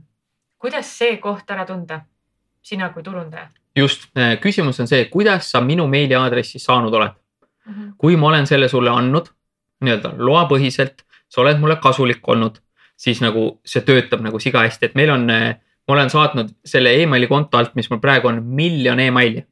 minu keskmine avamiste protsent on viiskümmend viis protsenti siis üle poolte inimesed avavad mu kirju, sest nad saavad ja teavad, et nad saavad sealt midagi kasulikku. kui ma saadaks sinna viis korda järjest lihtsalt bänneri, osta mu jama ära, osta mu kaup ära, osta mu tunnuslaborid. sealt lihtsalt tulebki, sest noh, sa pead, loomulikult see nagu, sa teed müüki ka, aga sa oled kasulik ja ka müügis saab olla kasulik, sa saad jutustada mingi loo, anda mingi kasuliku tüki ja öelda ka selle lõpus, et kui sa tahad veel sellist infot, siis noh, tule stiilis turunduslaborisse on ju. sa saad isegi läbi selle müügikirja tegelikult olla kasulik. et kui sa lihtsalt saad, ma ei tea, äriregistrist ostad selle emaili listi siis see on spämm ja see ei tööta ja see teeb sulle mm -hmm. nagu rohkem äh, kahju. et hästi oluline on see, et kuidas sa selle emaili kätte saad mm, -hmm. et sellepärast need mingid veebinarid on väga head, konverentsid on väga head, sest kõik siuksed live üritused, see töötavad ka niimoodi, et kui seda live üritust vaatad, siis ajus aktiveerub see osa, mis on seotud empaatiavõimega ja meil tekib parem suhe mm. -hmm. kui ma vaatan seda järgi, kordust, see osa ei aktiveeru mm. -hmm me rääkisime ennem seda, et, et tasuta lõunaid noh, saate väliselt küll, tasuta lõunaid pole, on ju aga see siis põhimõtteliselt ütleb praegu, et turundusmõttes okei okay,, me küll saame mõõta seda aega, millal ma olen hästi efektiivne ja kõik muu, aga siis järelikult on turunduses väga oluline võtmesõna, et sa pead tasuta tunde sisse panema selleks, et tekitada siis emotsionaalset sidestatust enda kliendiga, enda tootega. täpselt, et ma olen pannud, ma arvan ikkagi nagu sadu ja tuhandeid tunde selleks, et seda suhet ehitada. näide, eh, mul oli mingi hetk, eh, kui me Laviga eh, hakkasime toimetama aktiivsemalt kaks tuhat viisteist, siis me andsime välja mingi e-raamatu, kuidas turundus oleks, müügimudelid, kuidas turunduse kulust saaks tulu. siis me saime mingi sihuke paar tuhat emaili ja siis need mingi hetk nagu jäid lihtsalt seisma, sealt tulid mingid müüki ka juba. ja siis ma hakkasin kirjutama igal kolmapäeval kirja nagu andsin õpetussõnu, mis oli reaalselt mingi A4 või poolteist A4 pikk puhas kasulik sisu, ma tegin seda kolmkümmend neli nädalat järjest, igal kolmapäeval. ma oleks võinud selle eest rahulikult raha küsida, aga see oli minu panus suhte ehitamisesse, iga selline kirja kirjutamine, tund-poolteist väljasaatmine samamoodi. sa investeerid päriselt oma raha ja aega, et välja teenida tegelikult see tähelepanu, et täna keegi ei anna meile tähelepanu, me peame selle välja teenima. ja ma olen ka otsustanud, et ma olen oma sektoris, turundussektoris lihtsalt kõige parem, ma olen kõige kasulikum nii-öelda kasuandja või kõige parem selles, et ma annan kõige rohkem nii-öelda kasulikku sisu, olgu Mhm. need siis konverentsid, olgu need siis videod, olgu see, ma ei tea, sama teie podcast. ma püüan olla maksimaalselt kasulik ja praktiline, see on selle mõte kogu aeg. võib öelda, et siis me tegelikult tänapäeval müüme pigem siis emotsiooni kui seda toodet võib-olla ka. ja kas äh, on tõsi? me müüme tegelikult äh, mõlemat, aga, aga jah, turunduses on tihti see, et äh, me ei, me ei, ei ole mõtet rääkida sellest nagu mikrofonist, et noh, loomulikult sellest tuleb ka rääkida, et mis tehnilised omadused on ja kõik on Mhm. väga tore. Aga sinna teisele poole on vaja rääkida seda, mida mul on võimalik selle mikrofoniga teha. mul on võimalik salvestada see podcast, jõuda tuhandete inimeste ette, muuta teiste inimeste elu, selline pehmem pool ka. Ehk siis ja kui me seda pehmet poolt suudame siis inimeses nagu tekitada, tekitada tal selle ühenduse, mida mul on võimalik teha, on ju. et keegi ei taha ka turunduslabori videoid vaadata, ta tahab, ma ei tea, uut ametikohta, tahab rohkem kliente saada. Ja sealt tekib see emotsioon, emotsionaalne side ja siis on see, et okei okay,, davai, et mis see toode on, ahaa, siin on mingid koolitused, video kujul, okei okay,, okei okay, ja siis ta tuleb, ostab, on ju. et see on nagu hästi hea point, et hästi paljud müüvad oma siis seda lihtsalt puhast nagu toodet ja tehnilisi andmeid. aga sellest on nagu vähe, seda on ka vaja, sest on olemas sihtgrupp, kellele nagu see väga loeb ja tema seda roosat nii-öelda turundusvahtu, noh, mida me niimoodi võime mõnes mõttes kutsuda, on ju, et see teda nagu üldse ei huvita Mhm.. tema näeb seda nii, on ju, ja teiselt poolt see, et noh, mis kuradi andmed on ju, ma tahan just aru saada nagu, mis emotsionaalselt muga teeb ja võimaldab, on ju. Ma olen ka kuulnud seda fraasi, et eh, people follow people ehk mm. -hmm. siis äh, tihtilugu võib-olla need brändid ei kõneta inimesi, sest seal ei ole seda nägu taga. aga kuna näiteks turunduslabori taga sinu nägu on seal nagu nii tugevalt sellega seotud ja siis sa vastad ka päriselt ka inimestele, et tekib juba palju nagu tugevam side, et eh, see turunduslabor ei ole lihtsalt bränd, et eh, Just. see on seotud isikuga. ja sul on täiesti nagu mõte liigub nagu sada kümme prossa õigel teel ja kui vaid rohkemad nagu turundajad ja ettevõtjad saaksid sellest aru, et nad, sa pead oma personaalse brändi ka sinna taha panema, et noh, mille eest sa seisad, miks sa seda nagu teed, et kui see on lihtsalt turunduslabori sinine logo, siis sinna taha võib peituda ükstaskõik mida ja mingit crap'i toota, et sellepärast me olemegi toonud nagu enda persooni brändi nagu väga-väga välja seal ka on ju sest inimesed täpselt noh, nad suhestuvad teistega, et jälle nõuanne, kui sul on veebileht või e-pood, too välja, kes on need inimesed, kes selle ettevõtte taga on, mis on nende hobid, mis on nende nagu mingid tegevused, sest iga selline nagu tegevus hobi, see, kui ma ütlen näiteks, et ma olen isa, siis mõni kuulaja, aa, ma olen ka isa, kohe kõnestub või mul on laps, siis mõni ema mõtleb, mul on ka laps, on ju. või ma sõidan lohet, on ju, või ma jooksen, see tekitab kohe neid connection punkte minuga. et noh, mul on lihtsalt, ma olen siin naljatanud ka, et kui ma käin hommikuti jooksmas, siis mulle meeldib inimesi ehmatada ja hommikul neile rõõmsa häälega nagu jõudu soovida või tere hommikust. eestlane kohe võpatab, what the fuck, mis nüüd just toimus, on ju, et keegi nagu mis, mida. ja ma ütlen seda ainult jooksjatele. kui rattur tuleb, siis ma ei ütle, sest rattur pole minu inimene mul on ikka suhe teise jooksjaga on ju, see näitab, kui tugev see tegelikult on, on ju. või kui ma nägin kohe sul seda lohesurfilauda siin on ju nurgas, kohe on connection olemas nagu. ja seda saab tegelikult siis ka väga teadlikult tekitada, see ei ole fake, aga too lihtsalt see oma isikupära välja. julge see välja öelda, et see nagu ei ole nii, et, et noh, ma olen mingi tähtis siin ettevõtja, et ma ei räägi sellest, kuidas ma jooksmas käin, what the fuck noh. ja teine asi on see, mida mina ise tahan äh, inimestele öelda, kes kuulavad ja tunnevad, et tema ise ei taha see nägu olla, leia see inimene. täpselt, just, et äh, räägi, suhtle, avalda enda mõtteid erinevatele inimestele erinevates seltskondades ja paku seda võimalust, et ma, ma just lugesin äh, investor ajakirjast mingisugust lõiku, mis jäi mulle nii tugevalt meelde, et, et saad aru, et insenere võib olla, aga müügimehi ja turundusinimesi on ka vaja. sa võid olla vabalt insener, sul võib see hästi hea idee olla, aga keegi peab nagu sind toetama, see koostöö, see tugivõrgustiku tegemine, see on nii oluline tegelikult. ja, ja samas ka see, et, et kõik asjad ei pea olema mõõdetavad esialgu vähemastigi rahas. et kõik need ähm, koostöö tegemise algused hakkavad sellest pihta, et sa tegelikult lihtsalt räägid inimesega, no, no saateväliselt sa rääkisid ka, kuidas sa tutvusid inimesega, kellega sa koos teed nüüd suurt konverentsi, eks ju mm. -hmm. et, et ma tahangi rõhutada just seda, et see tasuta töö tegemine on tegelikult nii oluline, eriti alustusfaasis, aga ka hiljem. ja et noh, seesama nagu panustamine, et kui öeldakse, et kus ma selle töökogemuse saan, mine kurat praktikale nagu ja ma tean just ja ma olen kuulnud, et ka osad inimesed on nagu maksnud selle eest, et nad saaks praktikale minna. et sealt sul tekibki, et noh, mul oli see MTÜ õpilaste ettevõtjaks, kus mul tekkis, me saimegi teha ettevõtja portaali ja konverentse ja sealt tekkis see praktiline kogemus on ju. sa oled jälle väljakul sees nagu, et see, sa ei saagi kohe algusest peale nagu raha teenida, vaid ongi, sul on vaja mingit kogemust, sul on vaja kontakte, sul on vaja mingit noh, nagu aru saama, kuidas see nii-öelda maailm üldse selles valdkonnas nagu toimub. et see nagu ja panustamine peabki kogu aeg olema, et noh, sama me nagu täna ka ma nii-öelda aitan teisi, saan kokku väga palju tasuta tööd, onju Mhm. Mhm. või loo iseendale näiteks töökohta, alusta podcast'iga. jah, täpselt onju, et tee, tee midagi, onju, tee midagi, hakka kuskilt otsast minema, onju. ja teil samamoodi, et noh, me ei kujuta ette, kuhu see siit hargneb järgneva nagu kümne kuu või kümne aasta jooksul onju, et ja vaatad siis tagasi ja nagu vau, onju, super. mm. -hmm. Aga kui sa näed, et inimesed teevad ja püüavad kõigest ajast, onju, ja sa näed, et nad, noh, sina kui, noh, sa oled spetsialist juba, sa oled spetsialiseerunud ühte valdkonda.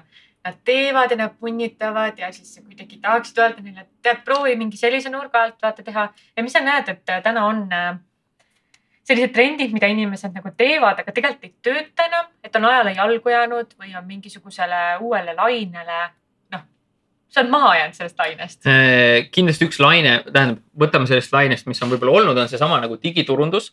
et äh, seal ma olen näinud, kuidas vanem generatsioon ettevõtjaid ei saa sellest digiturundusest aru. et äh, lihtsalt üks illustreeriv lugu sinna, siia juurde on see, et me käisime ühes Palkmaja tehases. Nad ütlesid, et noh, meil on veebi, oleks nagu vist uut veebi vaja, aga me ise ka ei tea täpselt ja siis me läksime sinna koha peale. see veeb oli tõesti aastast nagu üheksakümmend kolm, et noh, nii kui sa seda vaatasid, silma tekkis nagu pisar ja mõra nagu korraga ja siis oli see, et eh, nagu me ütlesime ja me nägime, kuidas nad toodavad nagu tõesti siga ilusaid maju ja saunu.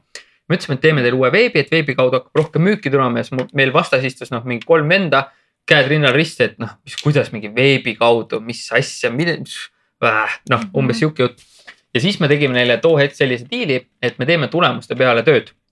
et me teeme ise veebi, teie toodate pildid, me kasutame teie materjale, me teeme teile veebi, teeme selle ka Soome ja paneme reklaamiraha ise alla ja siis saame raha ainult siis, kui päriselt palkmaja või siis saun müüb Mhm. ja lõime käed ja niimoodi tegimegi viis aastat ja siis, kui me kuus kuud hiljem äh, olime saanud mingi nelja miljoni eest äh, uusi päringuid ja siis ma sinna tehasesse läksin, siis nad ütlesid, et kurat, poisid vist teate küll, mis te teete. et selle, selle trendi on nii mõnedki ettevõtjad tegelikult nagu maha maganud. et nad ei saanud aru, kuidas digi töötab ja noh, me nägime Covidi tulekuga, kui sul veebilehte polnud, kui sul mingit e- e-poodi polnud, inimest tänaval ei olnud, poes ei olnud, oligi, oligi pekkis suhtlust oli ka vähe omavahel. Just, jaa. et noh, mina näiteks istusin kohe telefoni otsas nagu tunde rääkisin teiste ettevõtjatega, mis sul toimub, kuidas sul läheb. noh, vaatasime ise, mis teha saab, on ju kogu aeg nii-öelda plaan küpses. ja teine trend, mis praegu siis tekib, on kindlasti chat GPT ja selle kasutamine, et see on ülivõimas turundajatele mõeldud tööriist või noh, üleüldse tegelikult me ei, täna ei tea, kuhu see kõik nagu laieneb, on ju, et see, see on põnev aeg, kus me elame, me elame jah, see on nagu sama, kui tuli trükipress ja traktor ja umbes no mingi selline revolutsioon on praegu nagu toimumas, et eh, mis ideid, mis sisu sa sealt nagu saada võid. Ja kui sa nüüd selle tehnoloogia ka maha magad ja sest noh, paljud on maganud ka kogu Google Analyticsi ja mõõtmise ja see lähebki järjest keerulisemaks. et kui sa need trendid järjest maha magad, siis sul ühel hetkel sa ei oskagi turundada, sul ei olegi kliente, sa ei saa aru, kuidas need teised need kliendid nagu endale saavad. Mhm. ja nii, nii karm see on see on evolutsioon ja ettevõtted surevadki välja. eile käisin ka vanalinnas restoranis ühe teise restorani nii-öelda varasemalt restorani äris olnud inimesega siis õhtustamas ja siis ta ütles, et ta jalutab kanalinna ringi ja muudkui vaatab, et ja ennustab oma peas. No see elab mingi kuu peab vastu, see elab mingi aasta, äkki see elab mingi poolteist, vaatab neid restorane. Neid surebki välja ja ettevõt-, ettevõtjad samamoodi ja pannaksegi kinni ja miinustega ja see ongi selle hind, et sa ei õpi, sa ei arene ja sa jääd nendest asjadest maha ja see on kurb reaalsus. Mhm.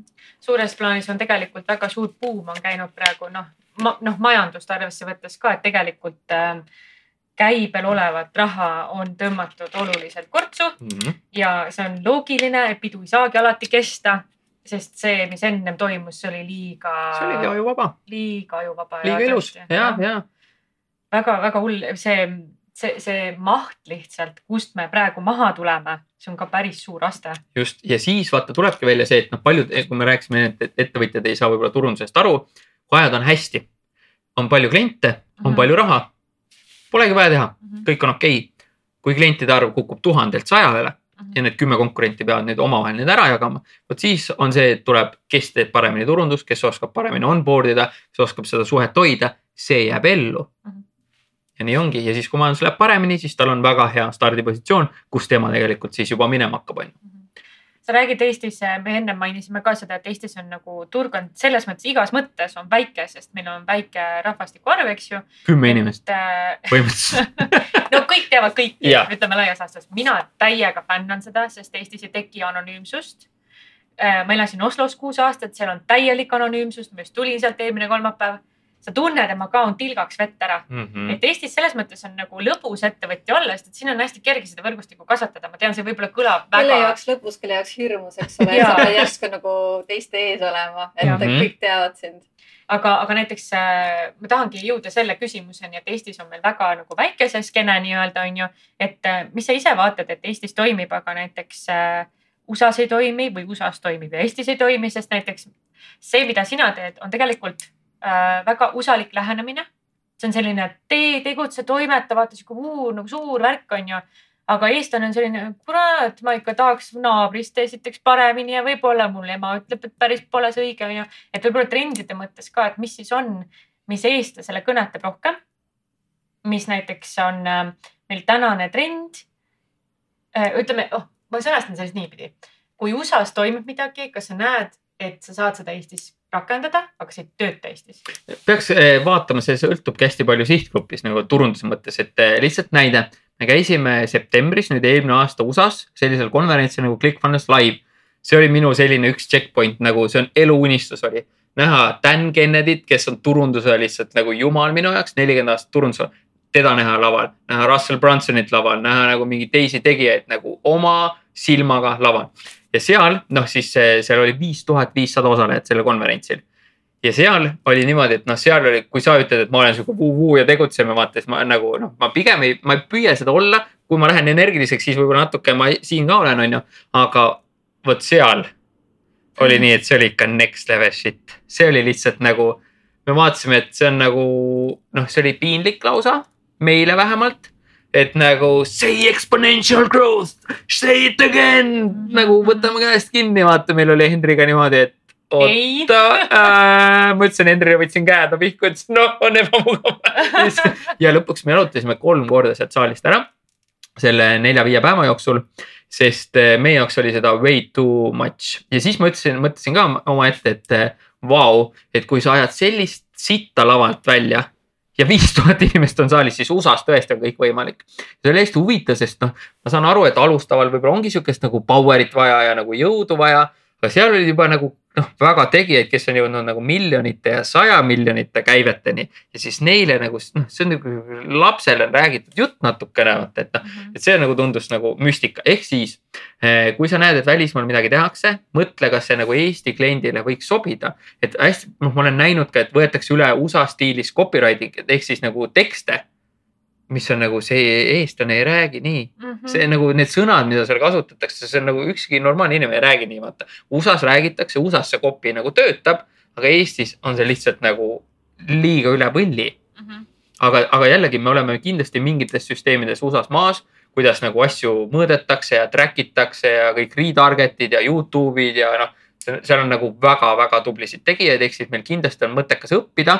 kindlasti on mõttekas lugeda igasuguseid ka USA eksperte ja, ja kõike, aga lasta need läbi lihtsalt teatud filtri. et kas see siin võiks töötada, kuidas mõelda nagu enda sihtgrupi osas, kas see võiks neid kõnetada, kas see nagu, kas see võiks siin töötada ja nagu Mhm. küsida endalt ja siis ka katsetada Mhm. aga panna ta natuke enda vormi ja sõnasse ja nagu jah, kas sa arvad, et Eestis on see kiht väiksem, millest läbi imbuda, et siis olla läbipaistev, väljapaistev? Läbi ja väljapaistev. mis sa selle kihi all mõtled? ütleme, ma hakkan tegema mingit äh, toonu, toodet, ei, tead, ma võtan seekord teenuse, kuna me oleme mm. -hmm. tootest juba rääkinud, on ju piisavalt, et ma hakkan näiteks müüma, näiteks ma olen massöör ka, eks ju. ma tahan nüüd nagu tegutseda, ma tean, et hästi palju on Eestis massööre, aga kui ma teen seda äh, just selles valdkonnas, selles kihis ja kui ma olen nüüd natukene silmapaistvam, teen mm. -hmm. mingit asja, mida, mis on natuke teise nurga alt. et kas sa arvad, et see kiht üleüldiselt Eestis on väiksem, millest läbi imbuda, et siis nagu olla et, et silma paista ja tegelikult Eestis on väga lihtne, nii kui sa suu lahti teed, nii sa oled tegelikult pildis. et nagu ja mida ma soovitan, on see, et koguda lihtsalt mitte see, et ma loen kolm raamatut ja käin kahel koolitusel ja siis öelda, et ma olen ekspert. et nagu neid on ka turul täna palju, sest kõik tahavad olla coach'id ja treenerid ja nagu ja neil tegelikult ei ole seda põhja, nad ei, võib-olla nad veel ei peaks seda tegema, nad peaks tegema, tegelema selle, nad peaks loomulikult nagu tegelema selles valdkonnas, aga enne kui sa hakkad teisi õpetama, päriselt tee midagi, et nagu saada päriselt mingit kogemust, et noh, mulle oli kuus aastat enne, ma olin prakti- nagu digiturunduses sees iga päev praktikas, enne kui ma julgesin teha oma esimese nagu koolituse. aga Eestis on tõesti, kuna meil on inimesi nii vähe, siis noh, nii kui suu lahti teed, nii sa oled kohe pildis ja see on ka kindlasti paljudele hirmutav, sest noh, nagu sa enne ütlesid ka, et me oleme nagu noh, siin ei ole kuhugi varjuda mm, -hmm. Mhm. sest see on nii väike punt on ju, et siis ongi see, et see, see ja see võib natuke nagu peljata ja hirmutada on ju, et noh, siis kõik need inimesed teavadki siis jõululauas, pere ka teab, et nagu vau on ju, et noh, mis asja te siin teete, mingit podcast'i neiud on ju, et noh et see nagu jõuab ka pereringi on ju, et see on võib-olla lihtsalt asi, millega natukene harjuda.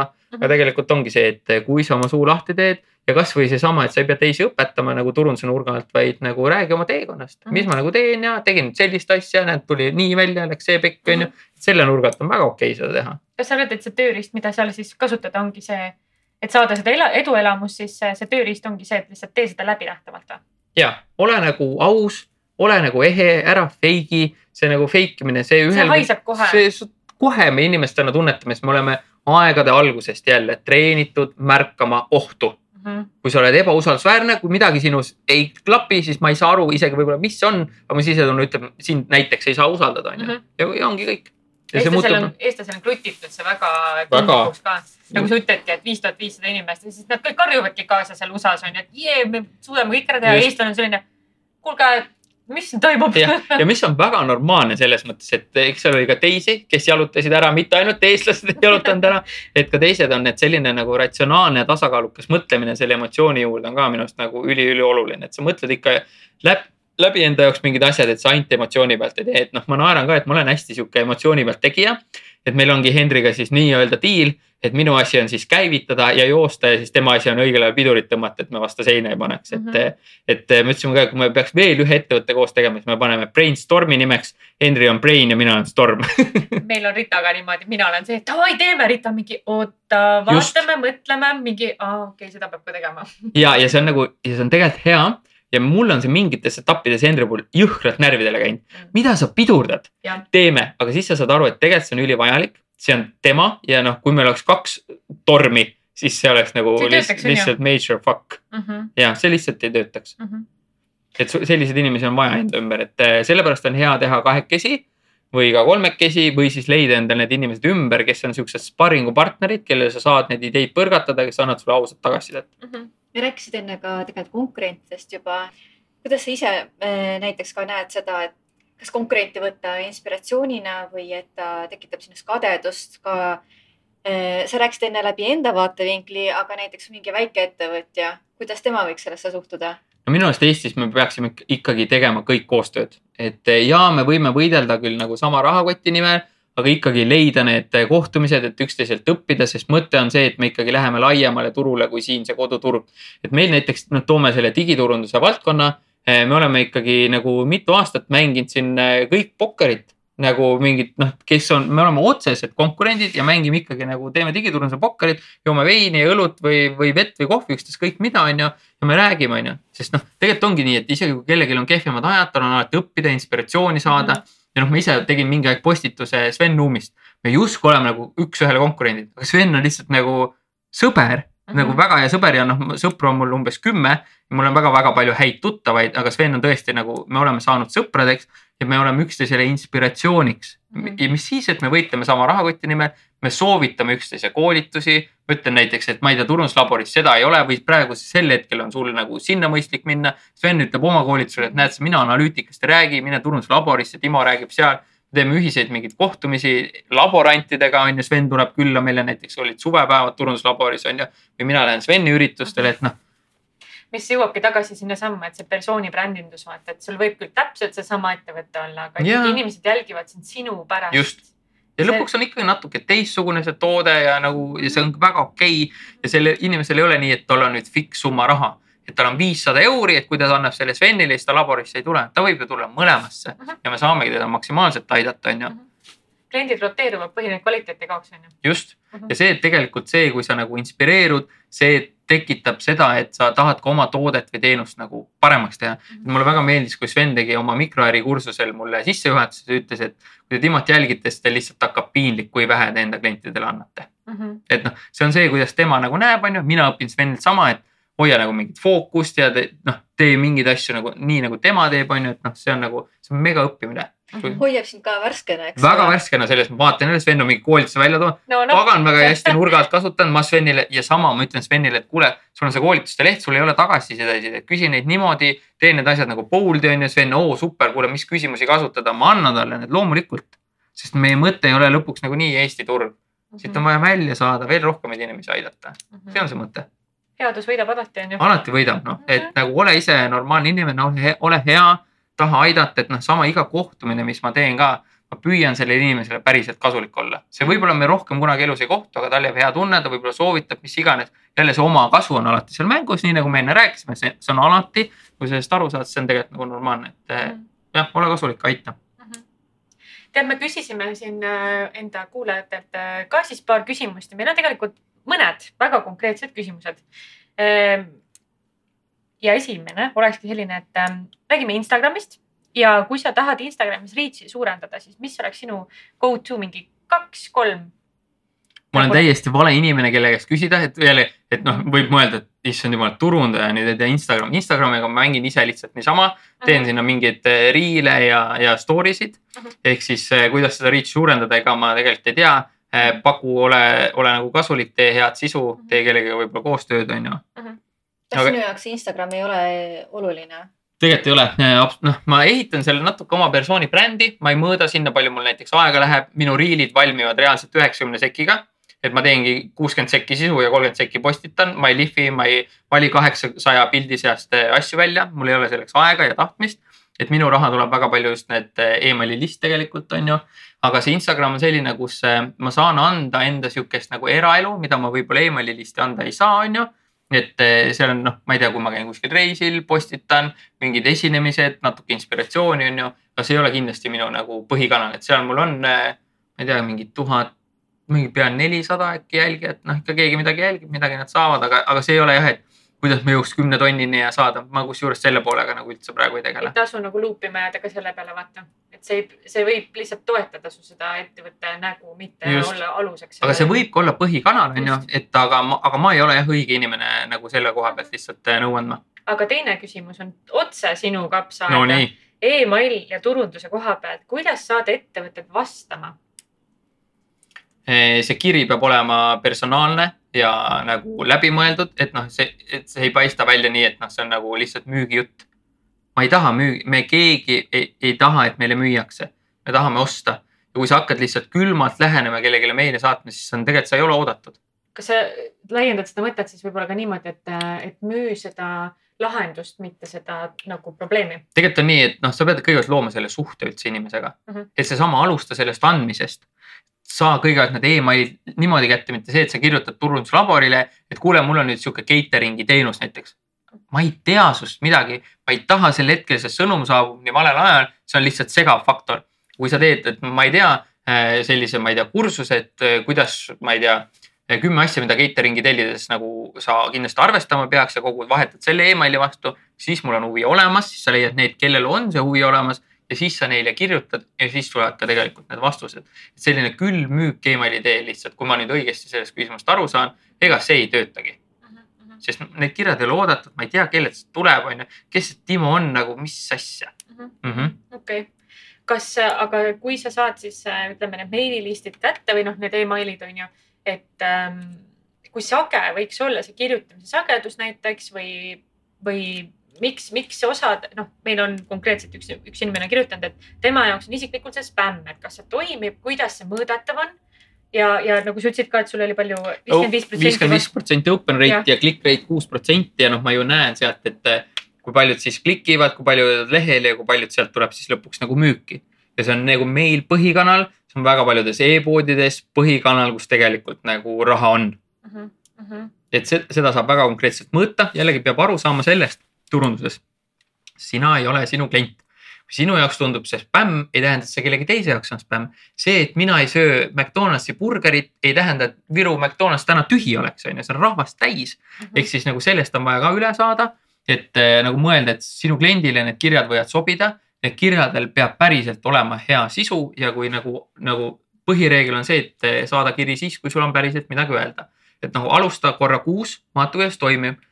Proovi kaks korda kuus, noh, meie saadame kaks korda kuus, kui meil on mingi konverents on ju. Sa, sama, mis ma rääkisin, konverentsil loodud suhe on väga tugev, inimene juba teab mind on ju läbi selle konverentsi päeva. ma võingi talle tihemini kirjutada, et on niimoodi, et eh, kui meil on turunduslabori uksed lahti, uusi liitujaid vastu võtame, siis me saadame niimoodi, et vahepeal on iga päev kiri ja viis päeva näiteks niimoodi.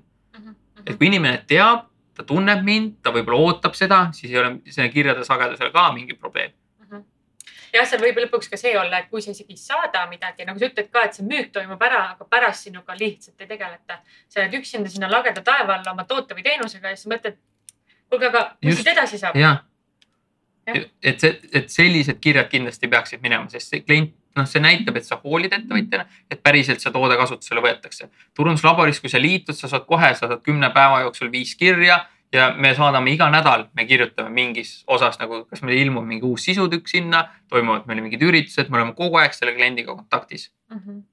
aga meil on siin ka üks küsimus, et kui, millest alustada, et ma eile näiteks alustav ettevõte eh, tahab alustada siis eh, oma turundust ka, et seda osa hakata ehitama. mis on need võib-olla esimesed eh, paar tööriista, millest ta võiks alustada ja mille peale mõelda?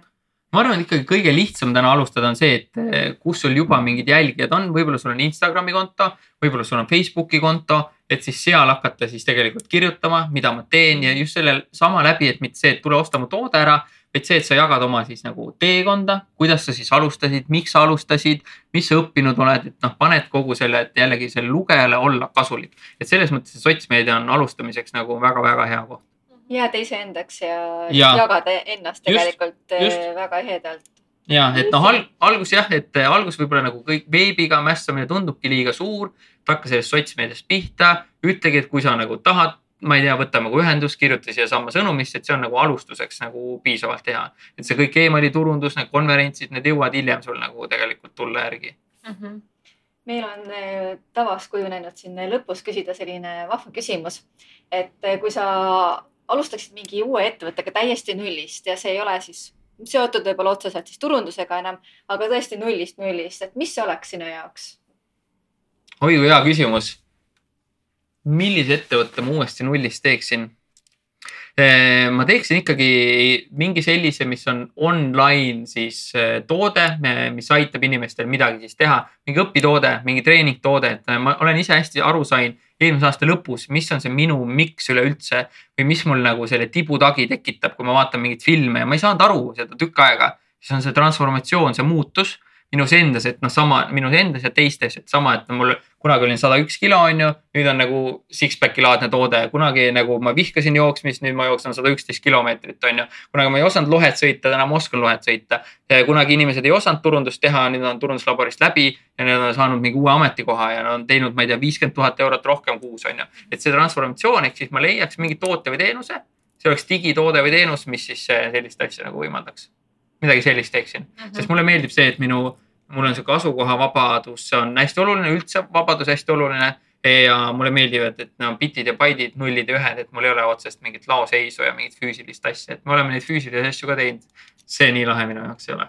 Mhm. see sind ei kõneta jah? jah, kuule, aga mis on järgmine projekt, kus saab sind näha või kuulata või?